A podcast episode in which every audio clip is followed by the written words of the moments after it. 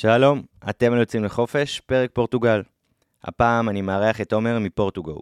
ביחד נעבור על הדברים שחשוב לדעת כדי לתכנן טיול מוצלח ביעד המיוחד הזה. בהמשך לחוק הפורטוגלי ולטיסות הישירות שנפתחו לפני כמה שנים, היעד הזה נהיה מבוקש מאוד. לשמחתנו, פורטוגל עדיין אותנטית ומיוחדת, ויש שם הרבה מה לגלות ולחוות, מעבר לחוויה האירופאית הקלאסית. אם אהבתם את הפרק, אנחנו מאוד נשמח שתדרגו, תגיבו ותשתפו. אני זמין לכל שאלה בעמוד האינסטגרם שלי ובאתר הפרק. תהנו.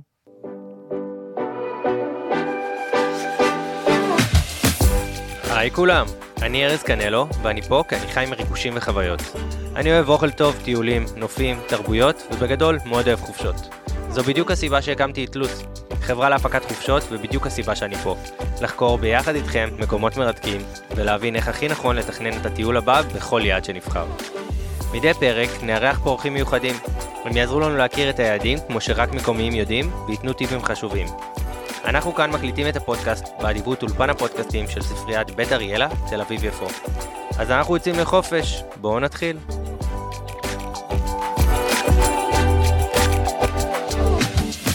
טוב, אז אה, שלום כולם ושלום לעומר. שלום. מה נשמע? בסדר, מה שלומך, ארז? בסדר גמור. ממש ממש חיכיתי לעשות את הפרק הזה, שנינו. ניסינו נכון. לתאם, ככה. תקופה, וזה יעד אה, שאני מת להגיע אליו כבר, אז אני גם, אני ממש מנצל את זה בשביל עצמי, כמו כמעט את כל הפרקים, אבל פה מדובר על יעד חם, מה שנקרא. יאללה, בכיף. אז אנחנו מדברים היום על פורטוגל, ובעצם אה, אני ועומר כאן, עומר חודרוב, שהיא הבעלים של חברת פורטוגו, המציעים אה, סיורים בעברית ברחבי פורטוגל. עומר גרה בפורטוגל חמש שנים, נכון? בעבר, נכון, נכון, והיום ככה על הקו. נכון. את רוצה לספר לנו קצת על אה, פורטוגו? כן, בכיף. אז uh, בעצם, uh, כמו שאמרת, פורטוגו, אנחנו חברה שמציעה סיורים בפורטוגל בעברית. זה נורא מגניב. החבר'ה שלנו זה, הצוות שלנו זה ישראלים. שחיים בפורטוגל, מכירים אותה, את כל הסודות שלה, נושמים אותה, אבל בעצם נותנים את זה למטיילים שלנו בעברית, אז זה כיף. התחלנו, אנחנו שתי שותפות, רונה ואני, התחלנו מסיור אחד בליסבון, כזה ליסבון הקלאסית, ואיכשהו משנה לשנה צמחנו להיצע סיורים מאוד רחב, וצוות נורא גדול, והיום גם בסביבת פורטו וגם בסביבת ליסבון. מכירים אותנו, פוגשים אותנו המון מטיילים כל שנה. אנחנו מחכות גם לך, בקרוב. בקרוב, אה. מאוד, מקווה. זה פורטוגו, זה ככה בקצרה עלינו. איזה מגניב. את, כאילו, איך התחיל הסיפור שלך, פורטוגל? אוקיי, אז אה, ככה, עומר עורכת דין בכלל, כן. כביכול. אז אני בעצם באמת בהכשרה שלי עורכת דין, וממש כשסיימתי את המבחנים, אה, היה לי בן זוג בזמנו, הוא האקס שלי, אבל הוא היה בן זוגי, והוא עשה רילוקיישן לפורטוגל. אה, ובצומת הזו של החיים החלטתי שיאללה, אני זורמת איתו לשם ומנסה, נראה מה יהיה. והגעתי לפורטוגל, אה, ובהתחלה היה לא קל, כי מצב העבודה בפורטוגל לא פשוט עד היום. יש שם אבטלה. די גבוהה, ולנו, הישראלים, זה לא מובן מאליו, כאילו, למצוא שם עבודה. אז כזה חיפשתי את עצמי הרבה זמן, עד שפגשתי את רונה, שכמו שאמרתי, היא השותפה שלי. לרונה היה את הרעיון להקים את העסק של הסיורים, בדיוק כשפורטוגל התחילה להיות אטרקטיבית, שכזה התחילו יותר טיסות ישירות, ופתאום ישראלים התחילו להגיע בכמויות יותר גדולות.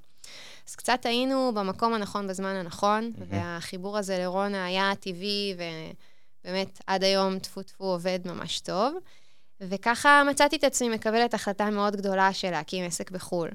אה, מצאתי את עצמי שואלת שאלות גדולות רגע על פורטוגל עצמה. אם היא טובה לי, אם היא לא טובה לי, ובאמת התעוררתי יום אחד והבנתי שאני מאוהבת במקום הזה. אז הלכתי על זה. מגניב. וזה זה החיבור, כן. אז היום על הקו כזה? היום על הקו, אני אה, היום אימא טריה, והבן זוג. שלי, שאנחנו פה חיים פה בארץ ביחד, אז uh, יוצא הפוך, אני בעצם מגיעה לפורטוגל uh, ביעדים מיוחדים או בקבוצות מיוחדות שאני מלווה. הבנתי. כן. אבל אתם עדיין אה, פה ביחד, מ- אה, מפעילות את זה. כן, כן, יש לי המון עבודה להתעסק בזה גם מהארץ. ברור. פשוט פחות בשטח בסיורים. מגניב. כן. טוב, בוא, בוא נדבר אז על אה, פורטוגל. על אה, היעד. אנחנו יש פורטוגל, אנחנו חשבנו מה לעשות. אה, ואיך לייצג את הכי טוב את המדינה הזאת, והחלטנו שאנחנו נדבר על, כאילו, על פורטוגל, גם על ליסבון וגם על פורטו, וגם על קצת על מה שמסביב. אז אנחנו ניתן קצת רקע כללי, אולי נעשה drill דאונים בעתיד. אבל אנחנו, אז ככה נדבר היום על הכל, ונשמע. אז אנחנו מדברים בעצם על מדינה שהיא קצת מזכירה את את המדינה שלנו, נכון? כן. צרה ארוכה כזה. בדיוק, מבחינה גיאוגרפית היא באמת אה, צרה וארוכה. אה, גם לחצות את כל פורטוגל מצפון לדרום זה עניין של אה, שבע שעות נסיעה בערך, זה לא נורא. אה, זה ממש מזכיר אותנו. אבל השטח שלה הוא כמעט פי ארבע בגודל, קצת יותר רחבה. כן. אה, אז זה, זה, זה רגע מבחינה גיאוגרפית זו פורטוגל. אה, שזה בכלל, צד אחד היא פשוט גובלת עם ספרד, וצד שני זה האוקיינוס. אז נכון. ככה שזה... בדיוק. זה גם מה שמקודם סיפרת לי, זה מאוד מאפיין את ה... בעצם את המזג אוויר שם. נכון, בדיוק. אז ממש כמו שאמרת, אני חושבת שהמאפיין המרכזי מבחינת מזג אוויר זה שכל החוף המערבי של פורטוגל זה האוקיינוס. מהמם. ולאוקיינוס יש מצבי רוח. אז כן, זה לא כמו אנחנו- הים התיכון פה, נכון. חמודי. אז אנחנו חוטפים לפעמים אה, סופות יותר גדולות, או, או גלי חום קיצוניים. ממש עכשיו, בימים שאנחנו מקליטים, יש גלי שריפות מאוד קשים בפורטוגל. אה, מצד אחד, המזג אוויר מאוד מזכיר את המזג אוויר בארץ, מבחינת עונות ו- וח- וחורף וקיץ. מצד שני, כשהוא מגיע לקיצון, אז הוא בקיצון. פתאום אוקיי. אה, יש, שוב, שריפות גדולות. נגיד עכשיו מה, שרפות- 47, 48, כן, יש טירוף. עכשיו ימים מטורפים, הרבה אתרים נסגרים וכזה. יש להם מזגנים? אה, לא לא? הרבה, לא. לא בבתים. זאת אומרת. בתיירות כבר יש, אבל, אה, אבל זה כזה כמו פעם של. האירופאים. זה משוגע לגמרי. מאווררים או מזגנים כאלה חלשים, די מבאס. וואי, אני ממש מדמיין אנשים כאילו עם אה. מטליות לחות על הפרצוף שלהם. עם כן, מה. זה, איך אפשר לחיות? נורא. אוי, טירוף. אז באמת, אז מזג אוויר, גם מזכיר קצת הארץ. נכון. יש לחות, יש חום, אבל שוב, באמת בעיקר תלוי איך האוקיינוס קם באותו יום. זה אוקיי. ממש משפיע, וואלה. כן. אז החורף שם הוא... אה, מבחינת חודשים, כן. אמ, גם מתחיל בסביבות נובמבר-דצמבר. בשנים האחרונות נובמבר ודצמבר עוד קצת חם, אבל עקרונית החורף מתחיל, כבר יש גשמים. כן. יסתיים איפשהו בסוף אפריל. אפריל נחשב חודש מאוד גשום, אבל אה, זה כבר מזג אוויר יותר טוב. אוקיי. ואז יש לנו אביב. בעצם מאי ויוני זה חודשים מאוד טובים לתיירות בפורטוגל, כנ"ל ספטמבר ואוקטובר, אוקיי. אם מדברים במונחים של מזג אוויר. והקיץ חם. חם, חם מאוד, אה? אמצע היוני, יולי, אוגוסט חם נורא, ממש. ובחורף גם קר נורא, או שלא? אז לא. אז החורף, אה, אפילו שזו אירופה, אמ, זה לא, הטמפרטורות לא יורדות לכזה מינוסים. אנחנו מהמם. מגיעים ל-10, 9, 8, אז זה לא חורף היסטרי, אבל גשום. וגם יש את העניין של צפון ודרום, כאילו, גם מבחינת מזג אוויר? נכון. אמ, לא תמיד זה מורגש, אבל כן, כאילו בימים הקיצוניים, אז בצפון, באזור פורטו, יהיה הרבה יותר קר ופחות נוח לטייל, מהמם. אמ, כשבליסבון כמעט תמיד יותר נוח, ואז יש את הדרום, שיותר חם שם. אה, זה משהו שחשוב אבל להגיד רגע מבחינת החופים. כן. אמ, בגלל שזה האוקיינוס, אז המים נורא קרים. גם בשיא הקיץ, באוגוסט, חם נורא, 40 מעלות בחוץ, אבל המים עצמם קרים, 15, כן, או קליפורניה, כן. זה תמיד קר. אז צריך לקחת את זה בחשבון. זה לא משנה אוקיי. מתי ולא משנה איפה, כל הרצועה. אז בחום זה מרענן דווקא. זה נחמד, כן, צריך קצת אומץ. אבל זה קפוא, זה קפוא. זה קפוא. אוקיי. כן. בסדר. אז אה, איך ה- איך הפורטוגלים? מי את מי אנחנו פוגשים שם? אז הפורטוגלים הם אנשים חמודים וחמימים. הם נחשבים העם הכי נמוך באירופה, זה נורא חמוד. אה, באמת? הם אנשים כאלה קטנים וחמימים, כן. הם מאוד מנומסים, מאוד מזמינים, הם תמיד אומרים שלום אחד לשני ברחוב, וזה כזה שתי נשיקות, גם אם אתה לא ממש מכיר את הבן אדם. יש איזו אווירה מאוד אה, אה, מזמינה וקלילה כזו וכיפית עם הפורטוגזים. אה, מצד שני, הם, יש איזה ניגוד אלינו שהם נורא, אה, אני לא אגיד עצלנים, כי אני לא רוצה ללכלך, אבל הם מאוד אה, איטיים, יש להם איזה קצב אחר. לנו יש איזה קצב עבודה כזה מאוד לחוץ, ואנחנו אוהבים, אנחנו אוהבים אה, לתקתק להשיג ולראות תוצאות. ולתקתק, ובדיוק, ו- וזה מאוד בנו, כולנו כאלה. כן. והפורטוגזים הם כזה הכל נורא לאט, וגם אם תביא להם עכשיו, אנחנו מהתחום של הסיורים, כן. אני יכולה לפנות לאחד הספקים שלי, נגיד של הרכבים, אני מהמם. אציע לו, קח קבוצה. גדולה, שבוע ימים, שני אוטובוסים, זה מה, מהיום למחר, והוא יגיד לי, לא, אני, אין לי עכשיו את מי להביא, עזבי, אני לא לוקח את זה, אבל, אבל זה עסקה מטורפת, קח את זה. לא, אבל אני, אין לי כוח, אני... כאלה. כן, מאוד אז אה, אה, לחוח. זה קצב כזה קצת שונה. לפעמים כאילו אפשר לקנא במישהו נכון. שלא לחוץ, לא משנה מה המצב על להיות כזה, אבל- זה... זה מטריף. זה מטריף, קצת, כאילו, כן, אותנו, אני כן. יודע. לנו, כמי שצריכים לעבוד איתם, מהמם. זה התנגשות קצת קשה.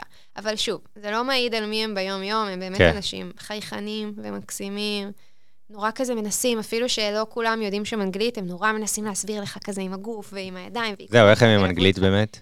אז באזורי התיירות מדברים אנגלית, אבל okay. אתה קצת מתרחק. אני גרתי באזורים מן הסתם יותר של מקומיים, אז mm-hmm.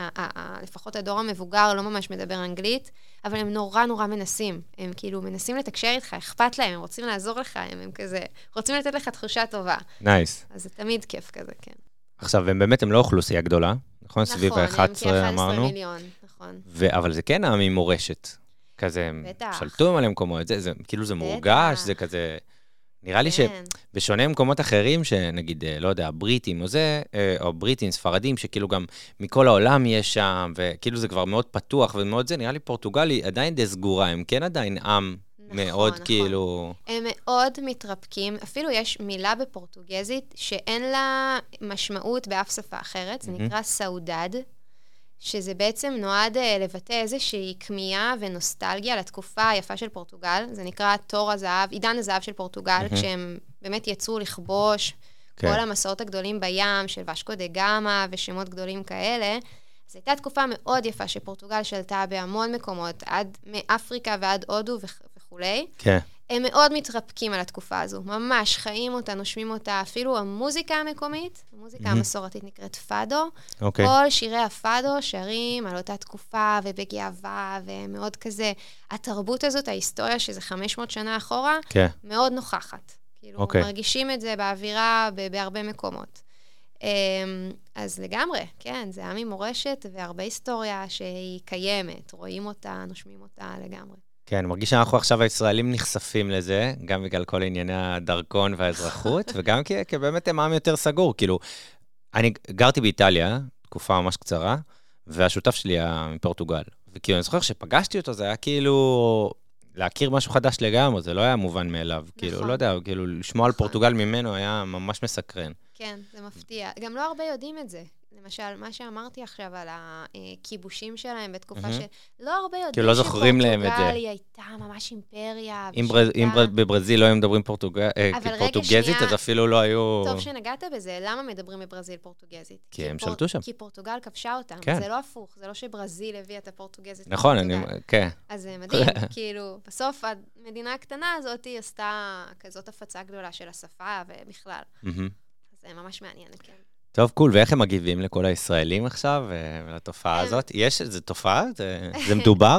הדרכונים לגמרי. גם, גם, גם הדרכונים, גם תיירות הדרכונים, בוא נגיד את זה ככה, אבל גם נראה לי הרבה ישראלים ששם פתאום. כן, אז, אז זה ידוע ומקובל, רגע במונחים שהרבה ישראלים אוהבים לשאול, אין אנטישמיות גבוהה בפורטוגל, תודה לאל, זה עדיין לא, אני מקווה, אני אומרת עדיין באופטימיות, זה לא הגיע לשם. כן. יש היסטוריה יהודית... זאת אומרת, זה לא איזו אנטישמיות אה, מושרשת. לא, כזה. יש היסטוריה יהודית קשה, ויש סיפורים, mm-hmm. ולא, באמת, לא סיפורים מאוד נעימים, אבל אה, כן, עם השנים התחילו מאוד לקבל את היהודים ואת הישראלים בהתאם, והיום ממש מפרגנים לנו ואוהבים את התיירות שלנו, ובין אם זה הדרכונים ובין אם זה סתם תיירים, ממש אוהבים ישראלים ומתעניינים בנו, ויש את uh, כל התיירות של הגלישה של פורטוגל, אז כזה הרבה יש הרבה ממשק שם בין ישראלים שגולשים ופורטוגזים שגולשים, וזה כזה מאוד מגניב. מדובר, אוהבים אותנו שם, כאילו. יופי, טוב לדעת. כן. זה כי אם כבר מדברים גם על דרכונים וגם על זה שהם לא אוהבים לעבוד, כאילו, נראה לי, לא יודע אם עשו את זה בכוונה, שאי אפשר להגיע לפה לשגרירות, כאילו, אין דרך להגיע לשגרירות, נכון. אין דרך, אתה שולח אימייל, אתה מקבל אימייל לא- חזרה, שהתיבה מלאה. זה נכון. כאילו, ברמה הזאת. נכון. בסדר, אבל מגניב, זה מכריח אותך לטוס. כן, כן, לא, לגמרי, סתם, זה כזה שילוב של השתיים. כן, אז אה, לפחות שם הם נחמדים ואוהבים וכאלה. מאוד, ממש. מגניב. בוא נדבר שנייה על המבנה שלה ועל המקומות, זאת אומרת, יש את הצפון, כאילו, אני רוצה ממש לחשוב זה, אז יש את הצפון, ששם יש את... פורטו. אחרי זה אנחנו נרד איזה כל מרכז, בין הצפון למרכז, נכון? יש הרבה מקומות שהם כאילו... נכון. אה, יותר הרריים, שמורות טבע, ים וכאלה כפרים ו... נכון. וכולי, נכון? אה, האזורים גם שהם קרובים יותר לספרד, הם גם כזה עמקים כאלה מגניבים וזה, לא? אתה רוצה שאני אני, אני אסביר, אוקיי. כן, כן, אני, אני סתם... עשית טוב, התחלת כן, התחלתי טוב, יאללה. אבל אני אסבר לך את זה. יש. אז באמת, אם הולכים צפון לדרום, אז... צפון פורטוגל הכי מפורסם זה האזור של פורטו, שגם שם יש שמורת טבע מאוד uh, גדולה שנקראת פנדה ז'רה, שהיא חולקת בעצם את פורטוגל וספרד. הרבה שמגיעים mm-hmm. ברכב מספרד, מגיעים דרך השמורה לתוך פורטוגל. אז השמורות טבע הגדולות זה באמת בצפון ובמזרח המדינה. כל האזור שגובל עם ספרד, זה, זה שמורת טבע גדולה, ששם, אגב, ממוקמות כל העיירות של האנוסים, היהודים לשעבר. Mm-hmm. זה כזה אזור שמאופיין בעיירות קטנות כאלה, עם היסטוריה באמת מאוד ארוכה. בתוך מרכז המדינה, בין פורטו לליסבון יחסית, אז באמת יש הכל מהכל. יש כזה אזורי טבע ויש כפרים ויש ערים גדולות, ויש את כל רצועת החוף, שזה עיירות אה, גלישה או עיירות חופים רגילות. מגוון מאוד רחב של דברים. יש את ליסבון עצמה, שהיא יחסית במרכז המדינה, אבל גם שוכנת במערב, אה, קרוב לאוקיינוס. Mm-hmm. ואם מדרימים עד הסוף, עד למטה, אז נעבור בדרך עוד כמה חופים ועוד כן. כמה שמורות, אבל דרום פורטוגל נחשב ממש... אה, זה יהיה מעליב להגיד את זה, אבל קצת כמו אילת, זה אזור של okay. אוקיי. חופים, הרבה יותר לא, טוב. לא, לא, אני גרתי באילת, אני אוהב את אילת. סליחה, זה לא היה יפה להגיד. צוחק. אבל אה, באמת, אה, האזור, ש, אזור, האזור של דרום פורטוגל הוא מאוד מפורסם בחופים, וזה כזה בטן גב. גם יש שם תיירות שמתאימה לזה? יש שם תיירות לגמרי, כן, ריזורטים, וכזה, אוקיי. ממש לנפוש, קצת שונה כאילו מתיירות ערים ואירופה. קול. אז זה כזה באופן כללי, אבל יש הכל מהכל. פורטוגל, ממש. אז באמת, אם אנחנו מדברים על חופשה בפורטוגל, יש לנו מיקס של הכל בעצם, נכון. שאפשר לשלב. נכון. Um, אני חושבת שהחופשה האידיאלית, וזה אני רואה אצל רוב המטיילים שלנו, זה mm-hmm. לקחת לפחות שבוע בפורטוגל, ואז נהוג לחלק את זה בין ליסבון לפורטו, כן. לעשות נגיד יומיים או שלושה בליסבון, לקחת רכב, ואז לעשות איזשהו טיול מעגלי שכולל את פורטו, ובעיקר רוב הטיול יהיה באמת ליסבון וצפונה. אלא אם זה שיא הקיץ, ואז בא לך בטן גב, ואז אתה יכול לנחות בליסבון, לעשות כמה ימים שם, ואז לרדת לדרום. אבל הטיול הקלאסי יכלול כזה נגיעה בעיירות, בכפרים, בחופים, בשמורות, שהוא בין ליסבון לפורטו. קול. Cool. אז בעצם יש לנו מחופשות משפחתיות, עד ל... את סיפרת שאת את הירח דבש שלך עשית... נכון, מבחינת קהלים יש הכל מהכל. אני עשיתי את הירח דבש שלי ב... באיים של פורטוגל. זהו, שגם דבר, הם לא קרובים כל כך לפורטוגל. נכון, זה עוד טיסה. אה, אבל לפורטוגל יש שתי קבוצות איים. הם גם יותר קרובים לארה"ב נראה לי מפורטוגל, אה, לא? לא, לא. לא? זה יותר קרוב לפורטוגל. יש את האיים האזורים ואת איי מדיירה. רונלדו מגיע ממדיירה. אוקיי. אה, אבל uh, אני עשיתי שם, וכמובן אחרי זה ביקרתי בפורטוגל, אבל אני גם מכירה לא מעט זוגות שפשוט עשו את ירח הדבש שלהם בפורטוגל עצמה. הכל מהכל, משפחות עם ילדים, וזוגות, ומבוגרים שמגיעים, וגלישה כבר אמרנו. כן. ממש פורטוגל עונה על הרבה סוגי טיולים וקהלים, היא מצ... באמת מציעה את כל האפשרויות, אז אנחנו רואים הכל. Cool. כן. וגם יחסית חופשה נוחה, לא? מבחינת כיס. כן. אמ, אז התיירות, אה, כמו התיירות מתייקרת, בתי מלון, רכבים וכדומה, מעונה לעונה אנחנו, המחירים עולים. אבל פורטוגל עצמה זולה, במונחים שלנו, שישראלים. המסעדות, אמ, הקניות, לא יודעת, כל האטרקציות, הכל ממש נוח וזול. אה, אולי הטיסה יקרה. כן, עכשיו אני... כן. זהו, אז אם מדברים על טיסות, איך הכי נוח להתייעד בפורטוגל, ולפני אבל איך בתוך פורטוגל, איך הכי נוח להגיע אליה. זאת אומרת, אני יודע שאפשר לקחת טיסה לשני נמלי תעופה. נכון, אפשר לטוס או לליסבון או לפורטו. כן. טיסה ישירה רק לליסבון היום. רק לליסבון? פעם היה גם לפורטו, כרגע, נכון להיום, אין uh, טיסות ישירות לפורטו. Um, אבל הרבה גם עושים connection. Uh, מדריד, ליסבון, uh, טורקיה, ליסבון, זה נפוץ מאוד וסבבה, זה לא יוצא טיסות מאוד ארוכות. מגיע לתשע שעות בערך עם ה connection. כן, וגם אמרו לי שגם אפשר לנסוע כאילו לנסוע ממדריד ל... נכון, נכון, יש הרבה שעושים כזה טיול משולב, זה כבר מצריך יותר ימים, כן. וכאילו לנהוג, אבל אה, אפשרי לגמרי. כמה זמן זה? תלוי מאיפה לאיפה, אבל נגיד... אין כזה אה, רכבת או יש רכבת אוטובוס גם, לילה? אפשר לעשות רכבת לילה, אוטובוס, זה, אבל זה גם מגיע לאיזה תשע שעות. הנסיעה רק... הבנתי. אז כאילו זה גם קצת כן. מעייף. עדיף בגדול טיסה. טיסה. אם רוצים לנצל הכי טוב את הימים. הבנתי. סבבה? ואיך מגיעים uh, מהשדה ל... אוקיי. כן. אז גם בליסבון וגם בפורטו, השדות תעופה ממוקמים אה, יחסית קרוב למרכז העיר. Mm-hmm. יש, יש את כל הדרכים, אפשר לקחת מטרו, אפשר לתאם הסעה, אבל בתכלס אני תמיד ממליצה מונית או אובר.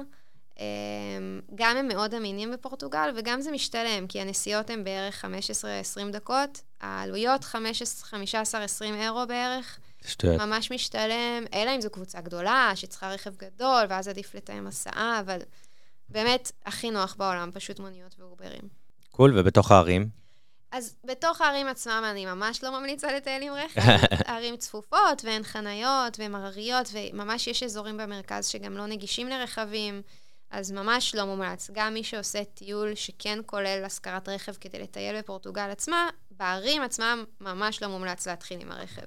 לטייל בתוך העיר, או עם המטרו, או עם אובר ומוניות, או עם החשמליות.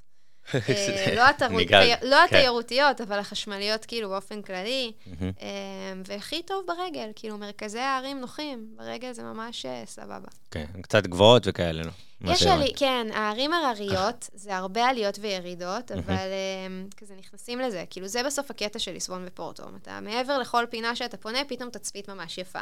אז זה הכי כיף ברגל, כאילו, אם כן. אתה באוטו, אתה מפספס את זה, אתה... אז נעלה ספורט פשוט. נעלה ספורט. לא עקבים ביציאות, בנות. בלי עקבים. בגלל, ה... בגלל העליות או בגלל המדרכות שהן משנות כאלה? גם וגם? גם וגם. אז גם עגלה עם תינוק. אנחנו בדרך כלל נכון? ממליצים על מנסאים, כן. מנסאים. אפשר עגלה, עדיף מנסה, כן. כן, זה כאילו עגלה, אבל נראה לי כן. לתינוק זה חוויה. כן. זה מרדים אותם, אבל זה טוב. כן? אוקיי, זה את יודעת, אני נכון. עוד לא. אוקיי, ובין הערים, אז דקה, אם אני לוקח כאילו רכב, ובין הערים מומלץ רכב. נכון, אז באמת, כמו שאמרתי, טיול קלאסי, לכלול כזה מעבר מליסבון לפורטו, ומעין איזה טיול מעגלי. נכון. בשביל זה, האידיאל זה לסחור רכב, לגמרי, כי גם יש המון מה לראות בין ליסבון לפורטו. אתה רוצה לעצור לפחות בשניים, שלושה מקומות בדרך. ואז נורא נוח עם הרכב שלך, הכבישים מסודרים, כאילו, יש חניות, הכל סבבה. אם אתה לא בקטע, אתם לא בקטע של uh, לסחור רכב ולנהוג עצמאית, אפשר גם לטייל במקומות האלה עם רכבות ממש נוחות שיוצאות מליסבון או מפורטו. לא לכל המקומות, יש דברים שהתפספסו, אבל אפשר לעשות טיול כזה שהוא נחיתה בליסבון, וכזה כל יום לצאת עם רכבת למקומות בסביבה. זה אפשרי. ואפשר גם לעשות נחיתה, נגיד, בליסבון, נסיעה לפורטו ברכבת, ברכבת ישר, להיות שם עוד יומיים ולחזור, נגיד, כזה? לגמרי. עושים את זה הרבה, כן. מגניב. איזה מקומות באמצע? אז אה, אוקיי. לי.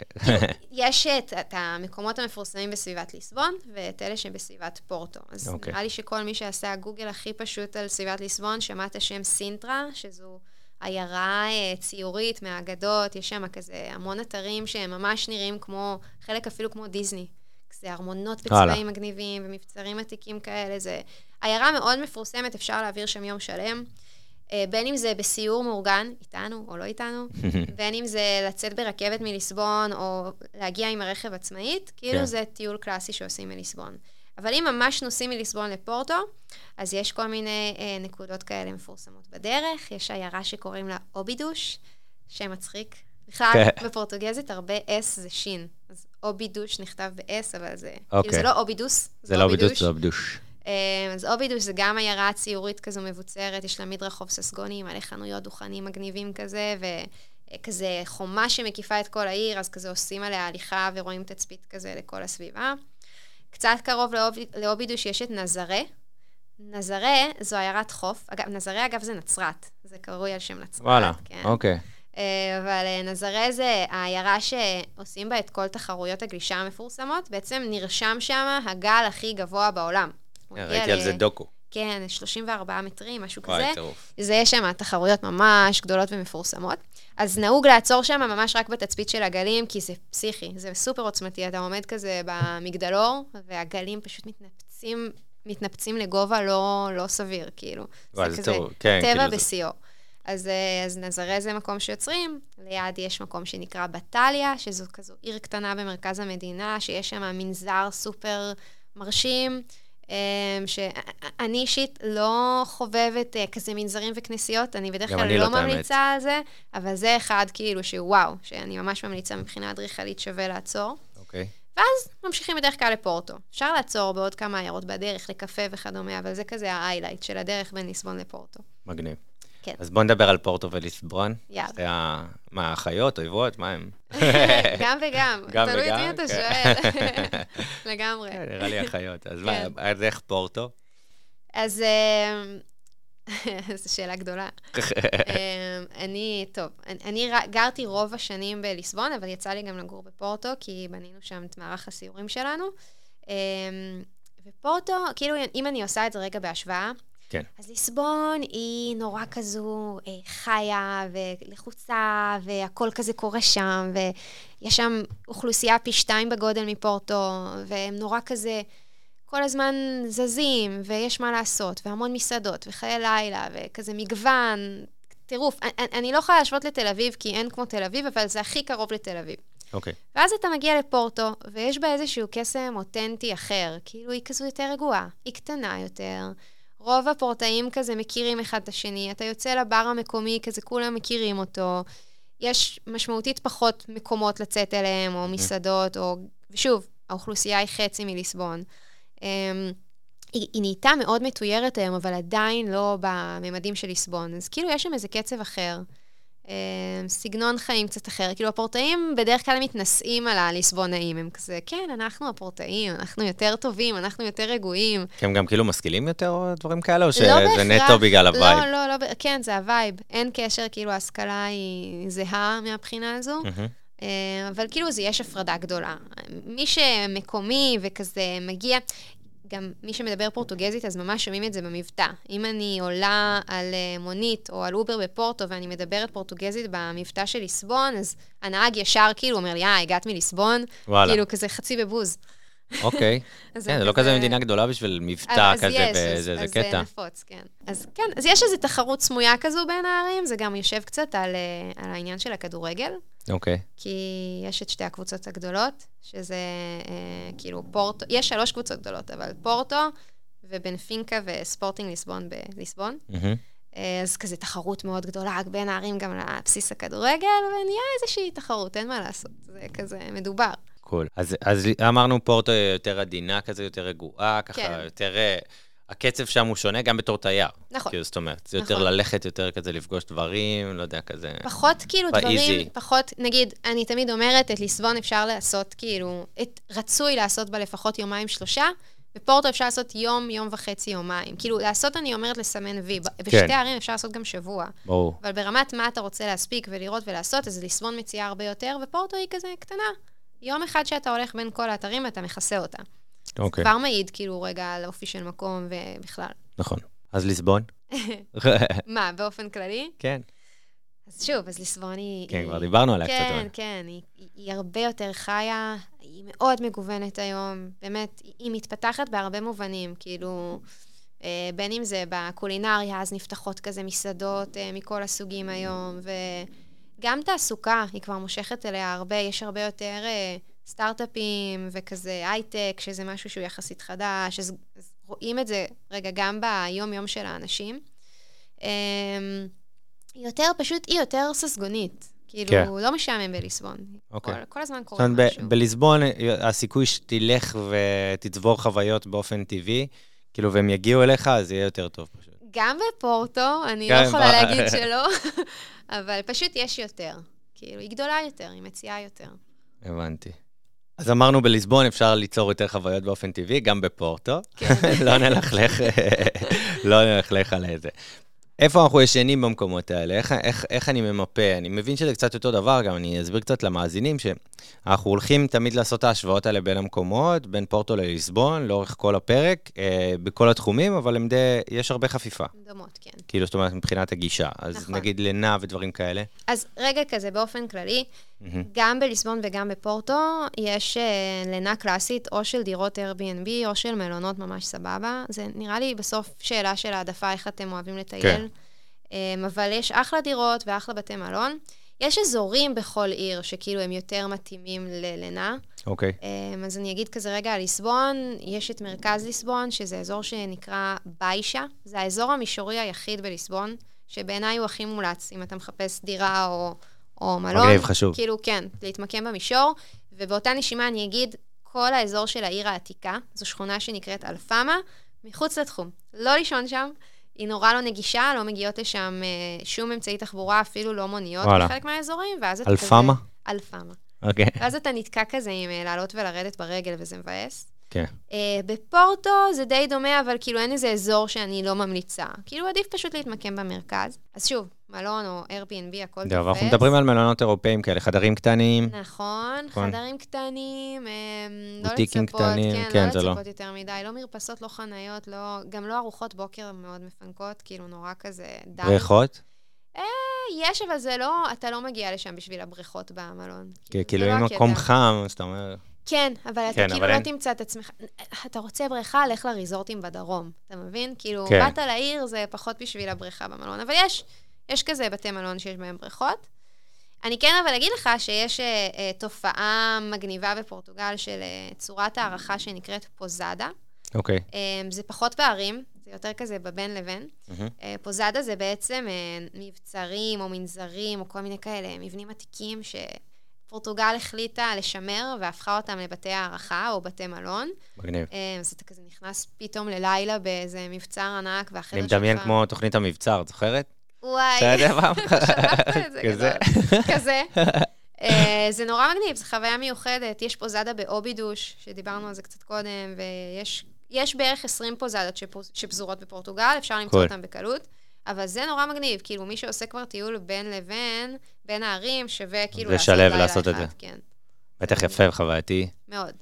מיוחד. זה לא כן. רואים את זה בהרבה מקומות. אה, יש אזורים, אני יודע, גם כל מיני אה, מושב, כאילו, כל מיני כפרים כאלה וכאלה, שבונים הערכה שהם יותר לפיס כזה. אז יש, אה, כן, יש תופעה, את התופעה של החוות בפורטוגל.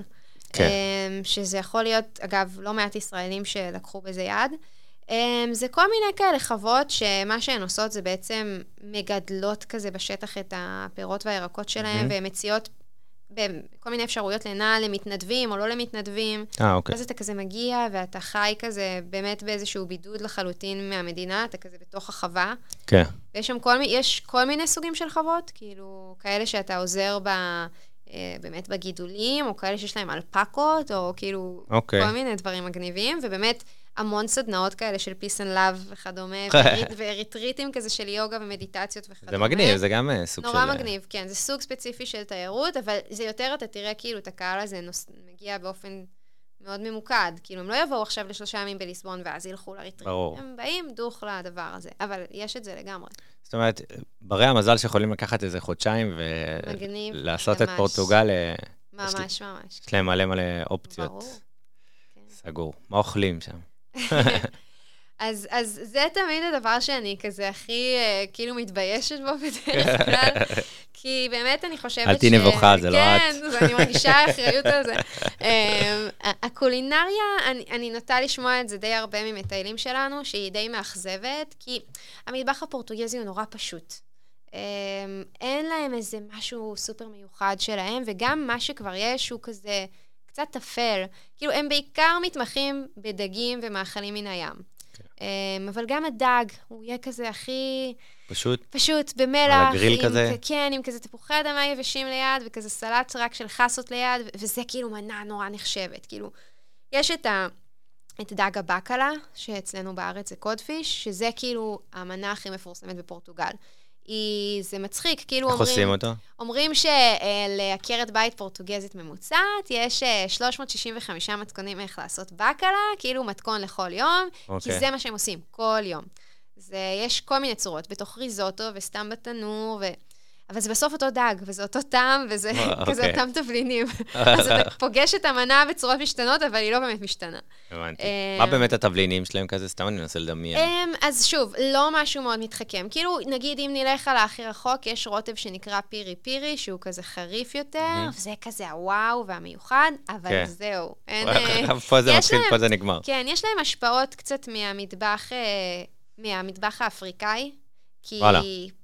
בתקופה שבפורטוגל הייתה רודנות מאוד ארוכה, עד אה, שנת 1974, אנטוניו סלזר שלט בפורטוגל, והוא הוא היה מחזיק בקולוניות שהוא שלט בהן באפריקה, וואלה, אה, ממש כמעט עד סוף הרודנות שלו. אוקיי. אז אה, הרבה תושבים, כאילו, גם הרבה חיילים היו מגיעים למדינות שם כדי לשמור, והיו מחזירים את התבלינים, וגם פשוט הרבה אה, אפריקאים עברו בסוף לפורטוגל. אני מדברת בעיקר על אנגולה ומוזמביק.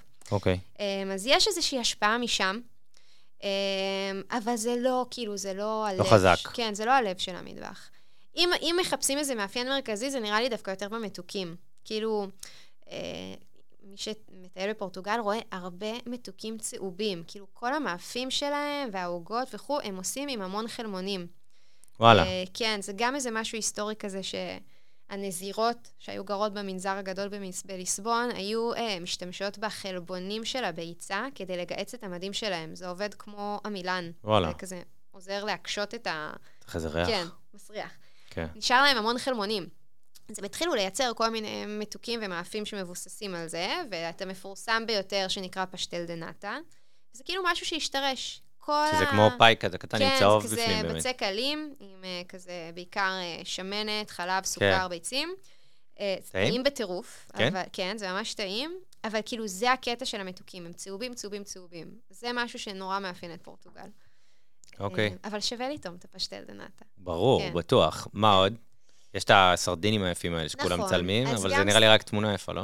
אז גם סרדינים נהיו קטע כזה פורטוגזי, זה שוב, כי הם על הים וזה זה כן. זמין. יש כאילו היום בתיירות את כל הקופסאות שימורים הצבעוניות האלה, מלא חנויות שזה כן. מה שהן מציעות. כן, זה יותר כזה, נראה לי אייקון כזה, ושוב, אם אתה יודע לאיפה ללכת באזורים המקומיים ובמסעדה טובה, אז יש אחלה סרדינים. אבל אה, גם הרבה שימורים, גם הרבה שימורים. כן. ואם, אז אם אני הולך אה, כזה, עם, מה, אני יכול לקנות דגים נעים בכל מקום, או שזה בדרך כלל מנה במסעדה? Um, זה במסעדות, כאילו זה בכל מקום, כאילו, מכל הסוגים. כן. במסעדות, ב... יש את המקומות האותנטיים, זה נקרא טשקה.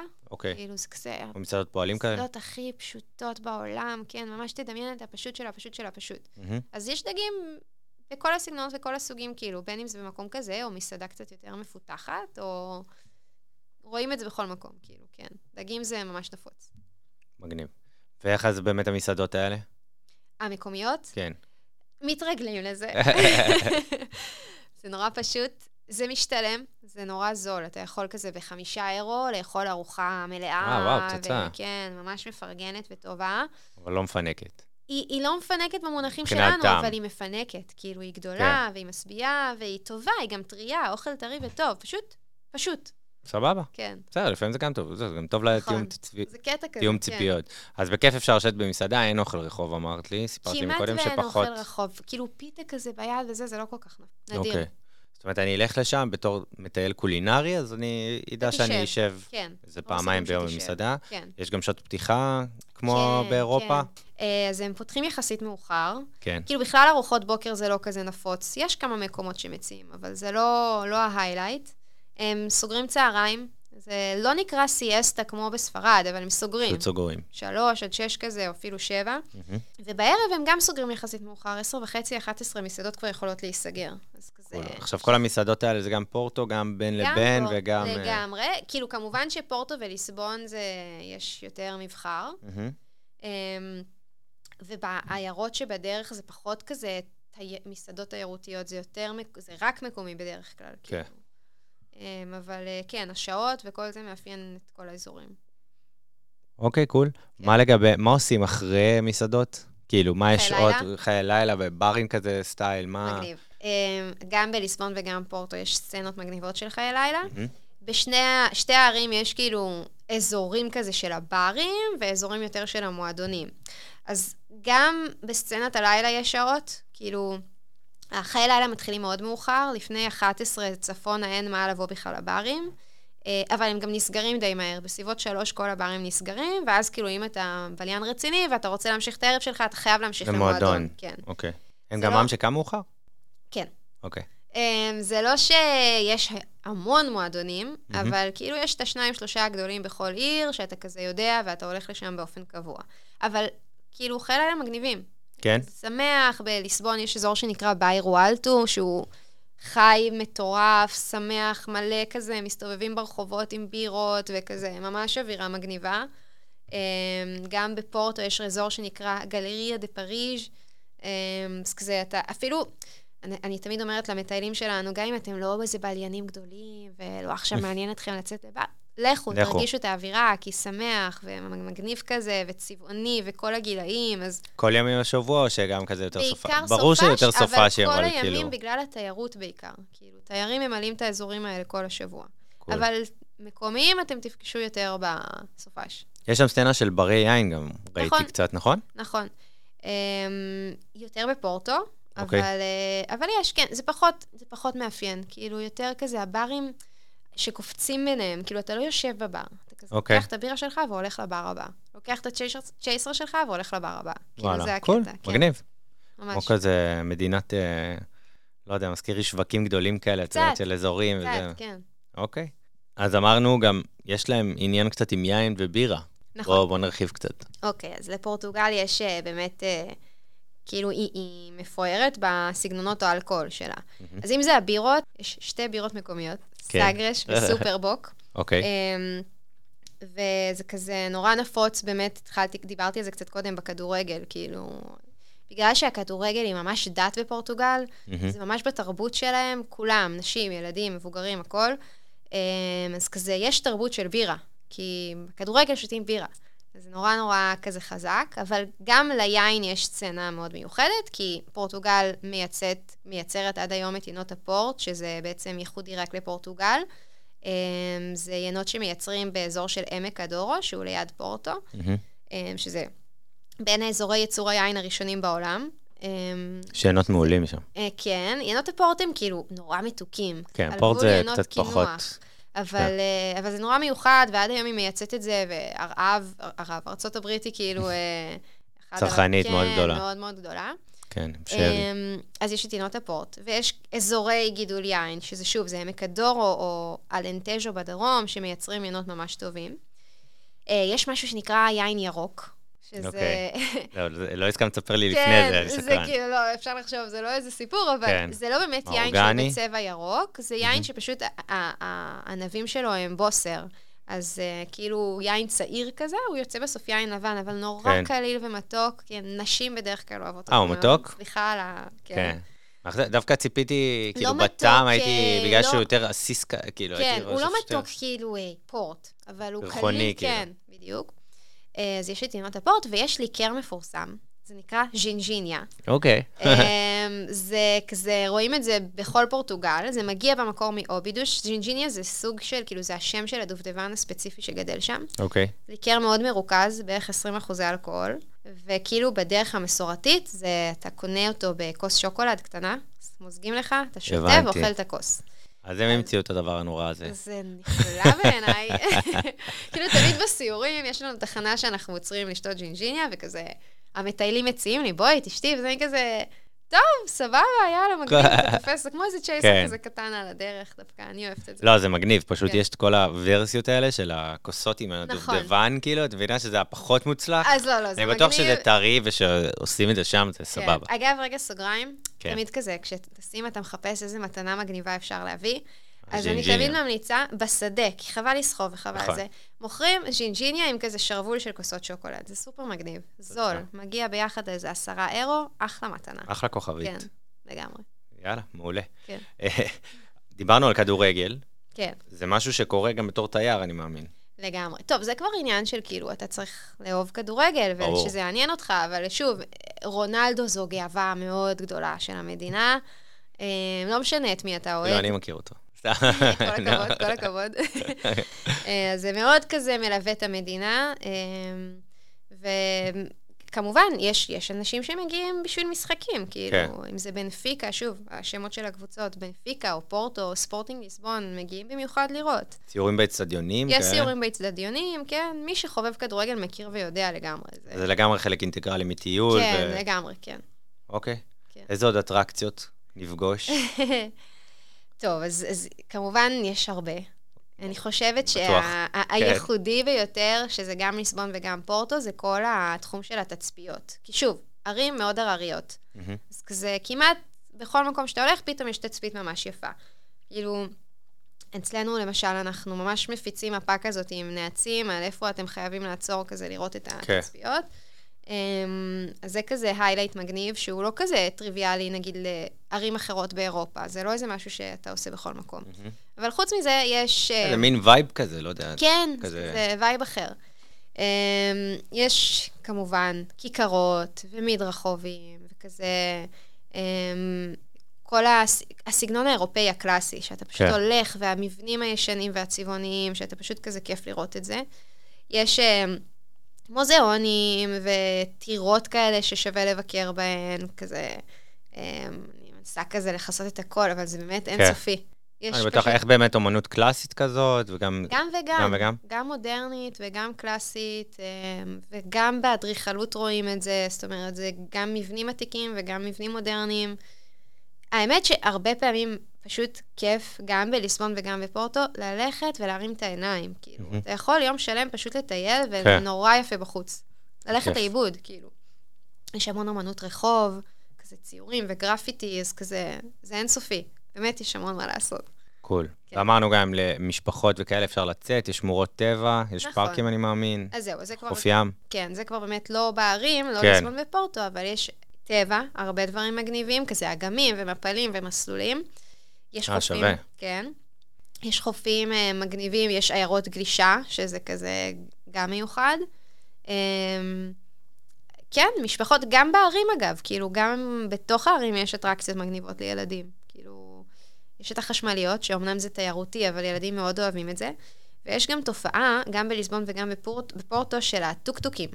כאילו, יש את הטוקטוקים מהמזרח, מתאילנד, אוקיי. זה קיים בפורטו וליסבון. וואלה. אז כאילו... מה, אז- כמונית כזה? כן, כמונית, אז כזה, הם עושים סיור, אתה יכול לקחת טוקטוק לשעה, שעתיים, וילדים נורא מתלהבים מזה. אז כזה, תמיד אה, חוויה מיוחדת כזה, שאנחנו ממליצים למשפחות. אמ, לא חסר מה, גם לילדים, כאילו, יש את האקווריום המפורסם בליסבון, שהוא נחשב אחד הטובים באירופה, אושנריום זה נקרא. וואלה. כן. אוקיי. אני יודע שגם מוזיקה, הופעות וכאלה קורה קצת. נכון, יש פסטיבלים, זה ממש עכשיו העונה, כזה נגיד יוני עד ספטמבר, יש כן. פסטיבלים ממש גדולים של מיליוני תיירים שבאים כל שמעתי. שנה. נראה לי הכי מפורסם זה הבום.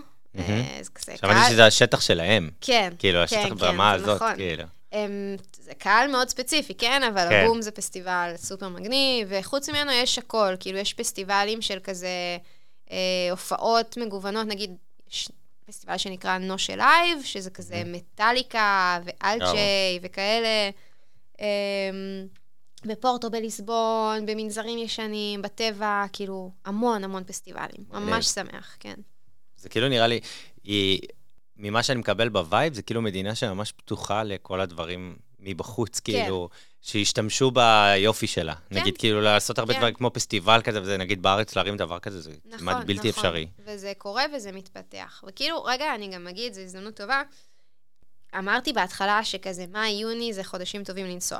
כן. אז אני שמה דגש שביוני, חוץ מפסטיבלים ושמזג אוויר טוב, ביוני יש חגיגות מקומיות ממש מגניבות. שווה, זה נקרא אה, סנטוש פופולרש, זה החגיגות של כל הקדושים. אוקיי. אה, בליסבון זה סביב התאריכים של 12-13 לחודש, בפורטו זה 23-24, שפשוט הערים הופכות לפסטיבל ענק שלם של מקומיים.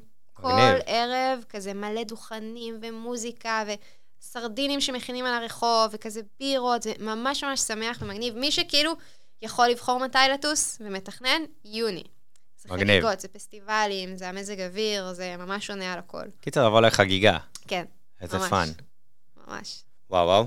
טוב, מה עוד דברים שחייב, חייב לעשות? יש לנו כאילו... אה, מה, משהו שהוא must? אני חושבת ששוב, ליסבון, אז תצפיות, כאילו... כן. זה היה גם עונה לה איפה הכי כדאי להצטלם, ותמונות נכון. הכי יפות וכזה, נגיד- אני מאמין שזה שם. אני אגיד השם של התצפית, אני לא יודעת אם תצליחו להבין את זה ולרשום את זה, אבל אוקיי, נכתוב להם. כן, זה מירדור דנוסה סניורה דה מונטה. אוקיי, אוקיי, שם אוקיי. ארוך. כן. אבל זו תצפית מאוד מאוד יפה בליסבון, שהיא אה, כזה תופסת את כל העיר, אז כזה רואים את כל הגגות הצבעוניים בליסבון, האדומים, וכזה את הנהר שליסבון שוכנת עליו. מהמם. זה תופס גם את הגשר האדום. אה, יש כאילו גשר שחוצה בין ליסבון לעיר שממול, שהוא נראה בדיוק כמו הגולדן גייט ברידג' של סן פרנסיסקו, זה כזה כן. תמונה איקונית של ליסבון. אז... אה, אז מהתצפית הזאת אז רואים את זה? מהתצפית כאילו רואים את הכל, וזה ממש מגניב, אחלה תצפית לשקיעה.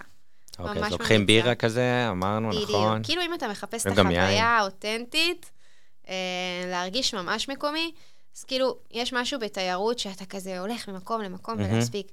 אם אתה מסוגל לקחת בירה ולשבת בתצפית רגע, שעתיים, שלוש, זה הכי מקומי שיש. זה מה שהם ממש עושים. מסוגל. אז יאללה. יש מעדניות וכזה, שאתה יכול לקחת גבינות נגיד, וכזה, יש. ולזרום על זה? יש, זה פחות כאילו נפוץ נגיד גבינות, אבל יותר כזה אמ, קונפיטר, כאילו קפיטריה כזה, של אמ, יותר אה, מאפים. כזה מאפים כן, וכזה. טוב, בסדר, גם אוכל. כן, בסדר. אפשר- אפשר תופס. אפשר לשרוד עם... אה, לגמרי. אפשר לשרוד עם זה. ומה overrated. החשמלית בליסבון. יש דבר כזה שנקרא חשמלית 28 בליסבון. היא כאילו לכאורה עושה מסלול עוקף כזה בשכונת אלפאמה, וזה כתוב בכל מקום, המלצות כזה גדול, כן. כתוב. אנחנו קוראים לזה חשמלית הסרדינים, אתה עולה, אתה עומד עולה כמו צפוף. חם. אין סיכוי שלא מכייסים אותך, אין סיכוי שיש לך מקום לשבת, אתה מזיע, אתה סובל ואתה לא מצליח לראות כלום. בתכלס, הרבה יותר כיף לטייל את האזור הזה ברגל. אוקיי. וגם אתה, אתה גם צריך לעמוד בתור, וזה עולה כסף, בעיניי... קיצור, לעמוד, לא. לצלם את זה מהצד, לגמרי. שתעבור לידך, לגמרי. ולא מבפנים זה וכאלה. הכי כאילו overrated. אגב, מכייסים שם הרבה? אז אה, צריך להיזהר על ה... כן, יש תופעת כעסות, אבל... אני הכי מהמעופפים, כאילו, אני ממש חייב שיגידו לי את זה. כאילו, כי אם לא, אני... אנחנו אין לי מודעות. הרבה מזהירים על זה, אבל אה, יש גם היענות יותר מצד המשטרה, כאילו, הם יותר כזה נוכחים היום בכיכרות, והם מנסים מאוד לאכוף את זה, אבל עדיין יש תופעת כעסות, כן. אגב, זה אולי התופעה השלילית היחידה, פורטוגל נחשבת מאוד בטוחה. כאילו. כן, אין שם פשע, פשיעה ממש לא גבוהה. אני חייתי שם שנים גם לבד, כאילו אישה צעירה, כן. הרגשתי מאוד בטוחה להסתובב תמיד ברחובות, גם בלילה. מגניב. בעיקר קייסות באזורים של תיירות. הבנתי. אם נגענו קצת בכסף, מה עם בזבוזים וקניות? בוא נחזור לזה שנייה. מה הולך? זה כאילו מקום לבוא עם מזוודה ריקה גם? כן, יש אחלה קניות. זה כן אירופאי רגע במונחים הקלאסיים. כאילו, יש תמיד רחובים, ויש כן. קניונים גדולים, ויש אאוטלטים. יש מציאות טובות, כאילו, המחירים טובים, אבל בסוף זה גם הרשתות המוכרות, כן? פריימרק, זרה וכו'. אבל שווה, אני תמיד חוזרת עם... אני תמיד לוקחת מזוודה ריקה. כן, אה, אוקיי. אז ממש... אה, כן. אז שווה. שווה, המחירים כאילו בטח גם, טוב. כן. אם זה לא, שוב, אם זה לא הרשתות שהמחירים הם כאילו קבועים, זה, זה כן. שווה. וגם יש חנויות קטנות, דברים מגניבים כן. לראות. הם עם יש. של לבוש יפה, סתם? אה, אני לא יכולה להגיד את זה, לא, הם לא איזה אופנה, אנשי אופנה גדולים, אבל יש, כאילו, יש אופנה מקומית, כן. מגניב. אם נעשה כזה מסגרת, איך היינו עושים כמה ימים של טיול? בוא נגיד, לא, שבוע זה מומלץ? שבוע זה קלאסי, כן. זה קלאסי. אה, כאילו פחות זה קצת... קצת, שוב, אפשר להגיע לליסבון לסופש, זה מגניב. כן. אבל הטיסה היא יחסית ארוכה, וזה בדרך ויקרה. כלל, כאילו, כבר באת לפורטוגל, תעשה שבוע. סבבה. אמ, ואז נשלב. כן, ואז אני בדרך כלל אמליץ לעשות יומיים שלושה בליסבון. אמ, יום של אמ, מעבר בין ליסבון לפורטו, ועוד נגיד יומיים בפורטו. אז כזה, זה די קלאסי, ואם יש יותר ימים, יש לך שבועיים, אז אפשר לעשות טיול שהוא יותר רחב והוא מעגלי. יוצאת מליסבון דרך המזרח, דרך השמורות טבע, להמשיך מעמק הדורו לכיוון פורטו, זה יוצר איזשהו מעגל על המפה. כן. ואז מפורטו לרדת חזרה מערבה, לליסבון. כאילו, לא. בדיוק, על הרצועת החוף המערבית. אמ, אבל זה כבר מצריך יותר ימים, זה לפחות עשרה, נגיד. עשרה ימים צריך. שווה. כן. טוב, אם אני מתכנן טיול, אה, איזה אנשי קשר אני חייב להכיר, וכאלה. תראה, דבר איתנו. זהו, אולי שווה לדבר על זה. קודם כל, לנו. אה, כן, האתר שלנו, יש לנו בלוג מאוד אה, רציני, והמון המלצות ומידע. אה, וגם אנחנו עוזרים, אנשים שפונים אלינו עם שאלות לגבי הטיול, אז אנחנו יודעים היום להפנות אותם אה, גם למתכנני טיולים רלוונטיים, וגם אנחנו נותנים את העזרה כשזה מתאפשר. יש לנו קהילת פייסבוק שהיא סופר אה, עוזרת, נקראת פורטוגל זה פה. אה, המון המלצות של מטיילים, ואנחנו רואות. שם ממש מתכנ... אנשים שמתכננים את כל הטיול שלהם, שם יש שם מלא מידע ומסודר ונעוץ כזה, אז ממש מומלץ. אה, גם באתר. גם באתר, הבלוג שלנו. אה, כן, אני חושבת שזה מה שאתם צריכים. וכמובן, כאילו, בסוף, אם באים לסיורים, זה מאוד עושה סדר. כאילו, אתה נוחת באיזשהו מקום, לא מכיר כלום, לא יודע איך המקום כן. בנוי, מה מימו, אתה עושה איזה סיור. היכרות אחד, כן, זה בום, פתאום אתה מכניס שולט ל vibe. בעניינים. לגמרי. איזה סוגי סיורים יש?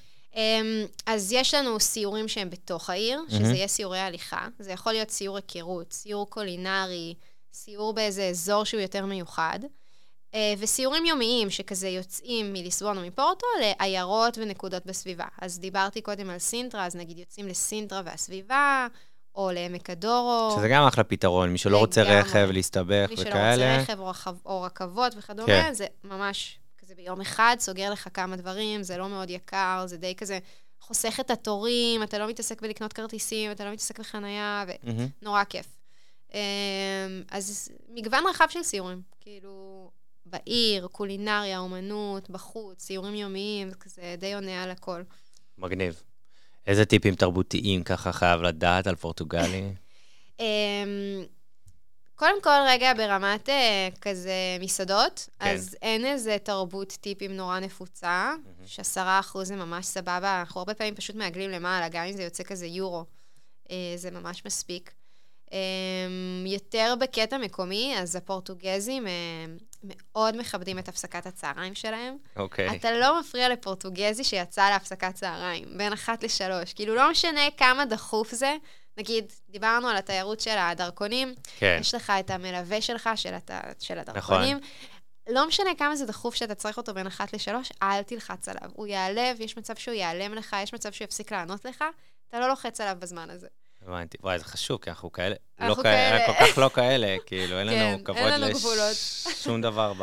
אז זה חשוב.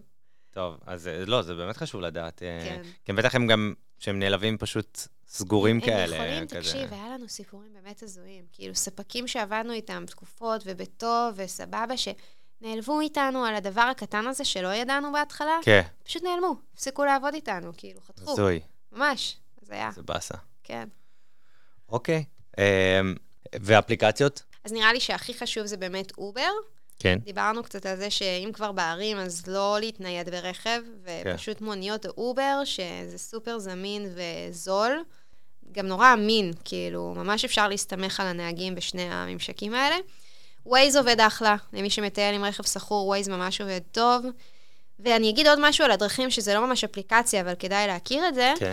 כשאתם שוכרים רכב, אה, מציעים לכם בדרך כלל במעמד ההשכרה פיזית כבר, קופסה שנקראת ויה ורד. הקופסה הירוקה. תמיד נשמע לנו, הישראלים כאילו מוכרים לנו עכשיו משהו, מה, אני צריך את זה, ולמה, ונה נה נה. קחו את זה.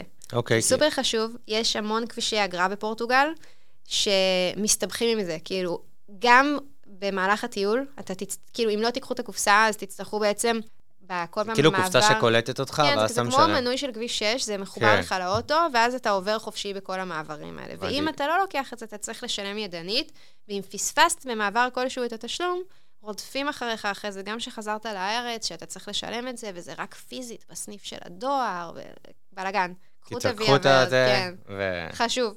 אוקיי, אז זה מגניב, כן. קול. טוב, אנחנו לקראת סיום. אוקיי. יש איזה משהו שהיית חוש... ככה, איזה משפט על פורטוגל, משהו קצת אה, לתת אה, משלך, ו... אני, אני חושבת שפורטוגל היא מאוד מפתיעה. זאת אומרת, הרבה כבר טיילו בהרבה מקומות באירופה. כאילו, אנחנו ישראלים, אנחנו מטיילים הרבה, אנחנו נכון. אוהבים. ובפורטוגל יש משהו מפתיע. היא אירופאית, אבל עם טוויסט. היא מציעה כל כך הרבה, ויש בה איזה סגנון שהוא קצת שונה. אני שומעת את זה מהרבה מטיילים שמגיעים אלינו. היא, היא פשוט מפתיעה. אז כזה, אז אני הכי ממליצה. אה, ואם יש הזדמנות ואפשר לקחת חופשה שהיא קצת יותר משלושה-ארבעה ימים, אז זה לגמרי יעד מגניב. וואי, אני מת כבר לטוס. חייב. ממש, ממש, ממש. רוצה. גם אני צריך לקחת את הדרכון שלי. קדימה. ואם אתם יכולים להוציא דרכון, תוציאו דרכון. כן. זה עוזר? Um, זה עוזר במובנים מאוד מסוימים. כאילו, זה עוזר, um, קודם כל, בכל התורים באירופה, בשדות תעופה. כן, תוצאה. Uh, זה עוזר למי שמחפש קצת יותר uh, להשתקע באירופה, לימודים או השקעות וכדומה. זהו, יש משהו שאת יודעת, אם כבר מדברים, אני חושב שזה רלוונטי להרבה אנשים שיאזינו. Uh, אני אגיד ככה, אני יודעת כן. הרבה, כן. אבל זה כבר עוד עולם שלם עוד עולם של שלם. תוכן, דברו איתנו. כאילו, אנחנו מגניב. מכוונים, מחברים, אגב, גם באזרחויות וגם בנדל"ן והכול, מהמם. אנחנו היום כבר...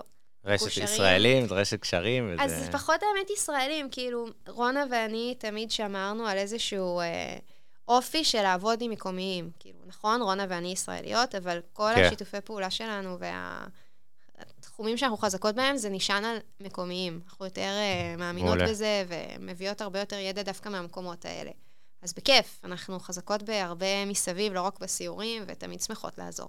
מגניב. אז איפה מוצאים, אז כמו שאמרנו מקודם, אפשר למצוא אתכן גם אה, בקהילה. באתר, כן. אנחנו כאילו אפילו מחפשים בגוגל פורטוגו, מגיעים אלינו, או. סיורים בעברית בפורטוגל. אוקיי, אה, אתר, קהילה, הקהילה, אינסטגרם, אינסטגרם, קוראים לנו פורטוגו, Portugal Tours, או בפייסבוק, פורטוגו, סיורים בעברית בפורטוגל. אנחנו בכל מקום מהבחינה הזו, אבל חיפוש פשוט בגוגל יוביל אתכם לכל הממשקים שלנו. מגניב. חוץ מהתוכן המדהים שאתן מציעות וכל המידע הזה, יש עוד uh, מקומות שהיית ממליצה שנוכל לחפש וככה אמ, להכיר? כאילו, יש את הקלאסים, כזה כל הטריפ אדוויזר וכדומה, הם אחלה כן. וחזקים בפורטוגל. יש גם את אתר אה, משרד התיירות. בכל התקופה של הקורונה, האתר של משרד הבריאות הפורטוגלי הגיש הרבה מידע באנגלית שהיה מאוד שימושי. אני יודעת שעד היום אנשים קצת לחוצים מזה ומחפשים, אז האתר הרשמי זה יהיה האתר של משרד התיירות הפורטוגלי. כן. חוץ מזה, אתה יודע, יש אינסוף כזה יוזרים מגניבים באינסטגרם, ברור. וכאלה שתמונות יפות ואיפה להצטלם וכו', זה אינסופי. יש מישהו אחד שעולה לך להמליץ? יש, אמ, כן, יש כזה user שנקרא Visit Portugal, אוקיי, באנגלית, שאני אוהבת אותה. cool. עומר, היה לי עונג, ממש ממש כיף. גם לי, גם לי. יאללה, אנחנו מחכות לך. שמחתי, ויש לי חשק, כן. אז אה, זה יקרה, תראי. קדימה. בדרך כלל קורה. אז אה, תודה לך, עומר, ממש. אה. ותודה לכם שהאזנתם. ותודה לאולפן הפודקאסטים של ספריית בית אריאלה, אה, שנותנים לנו להקליט אצלם את הפודקאסט הזה, אה, כבר אה, כמה פרקים.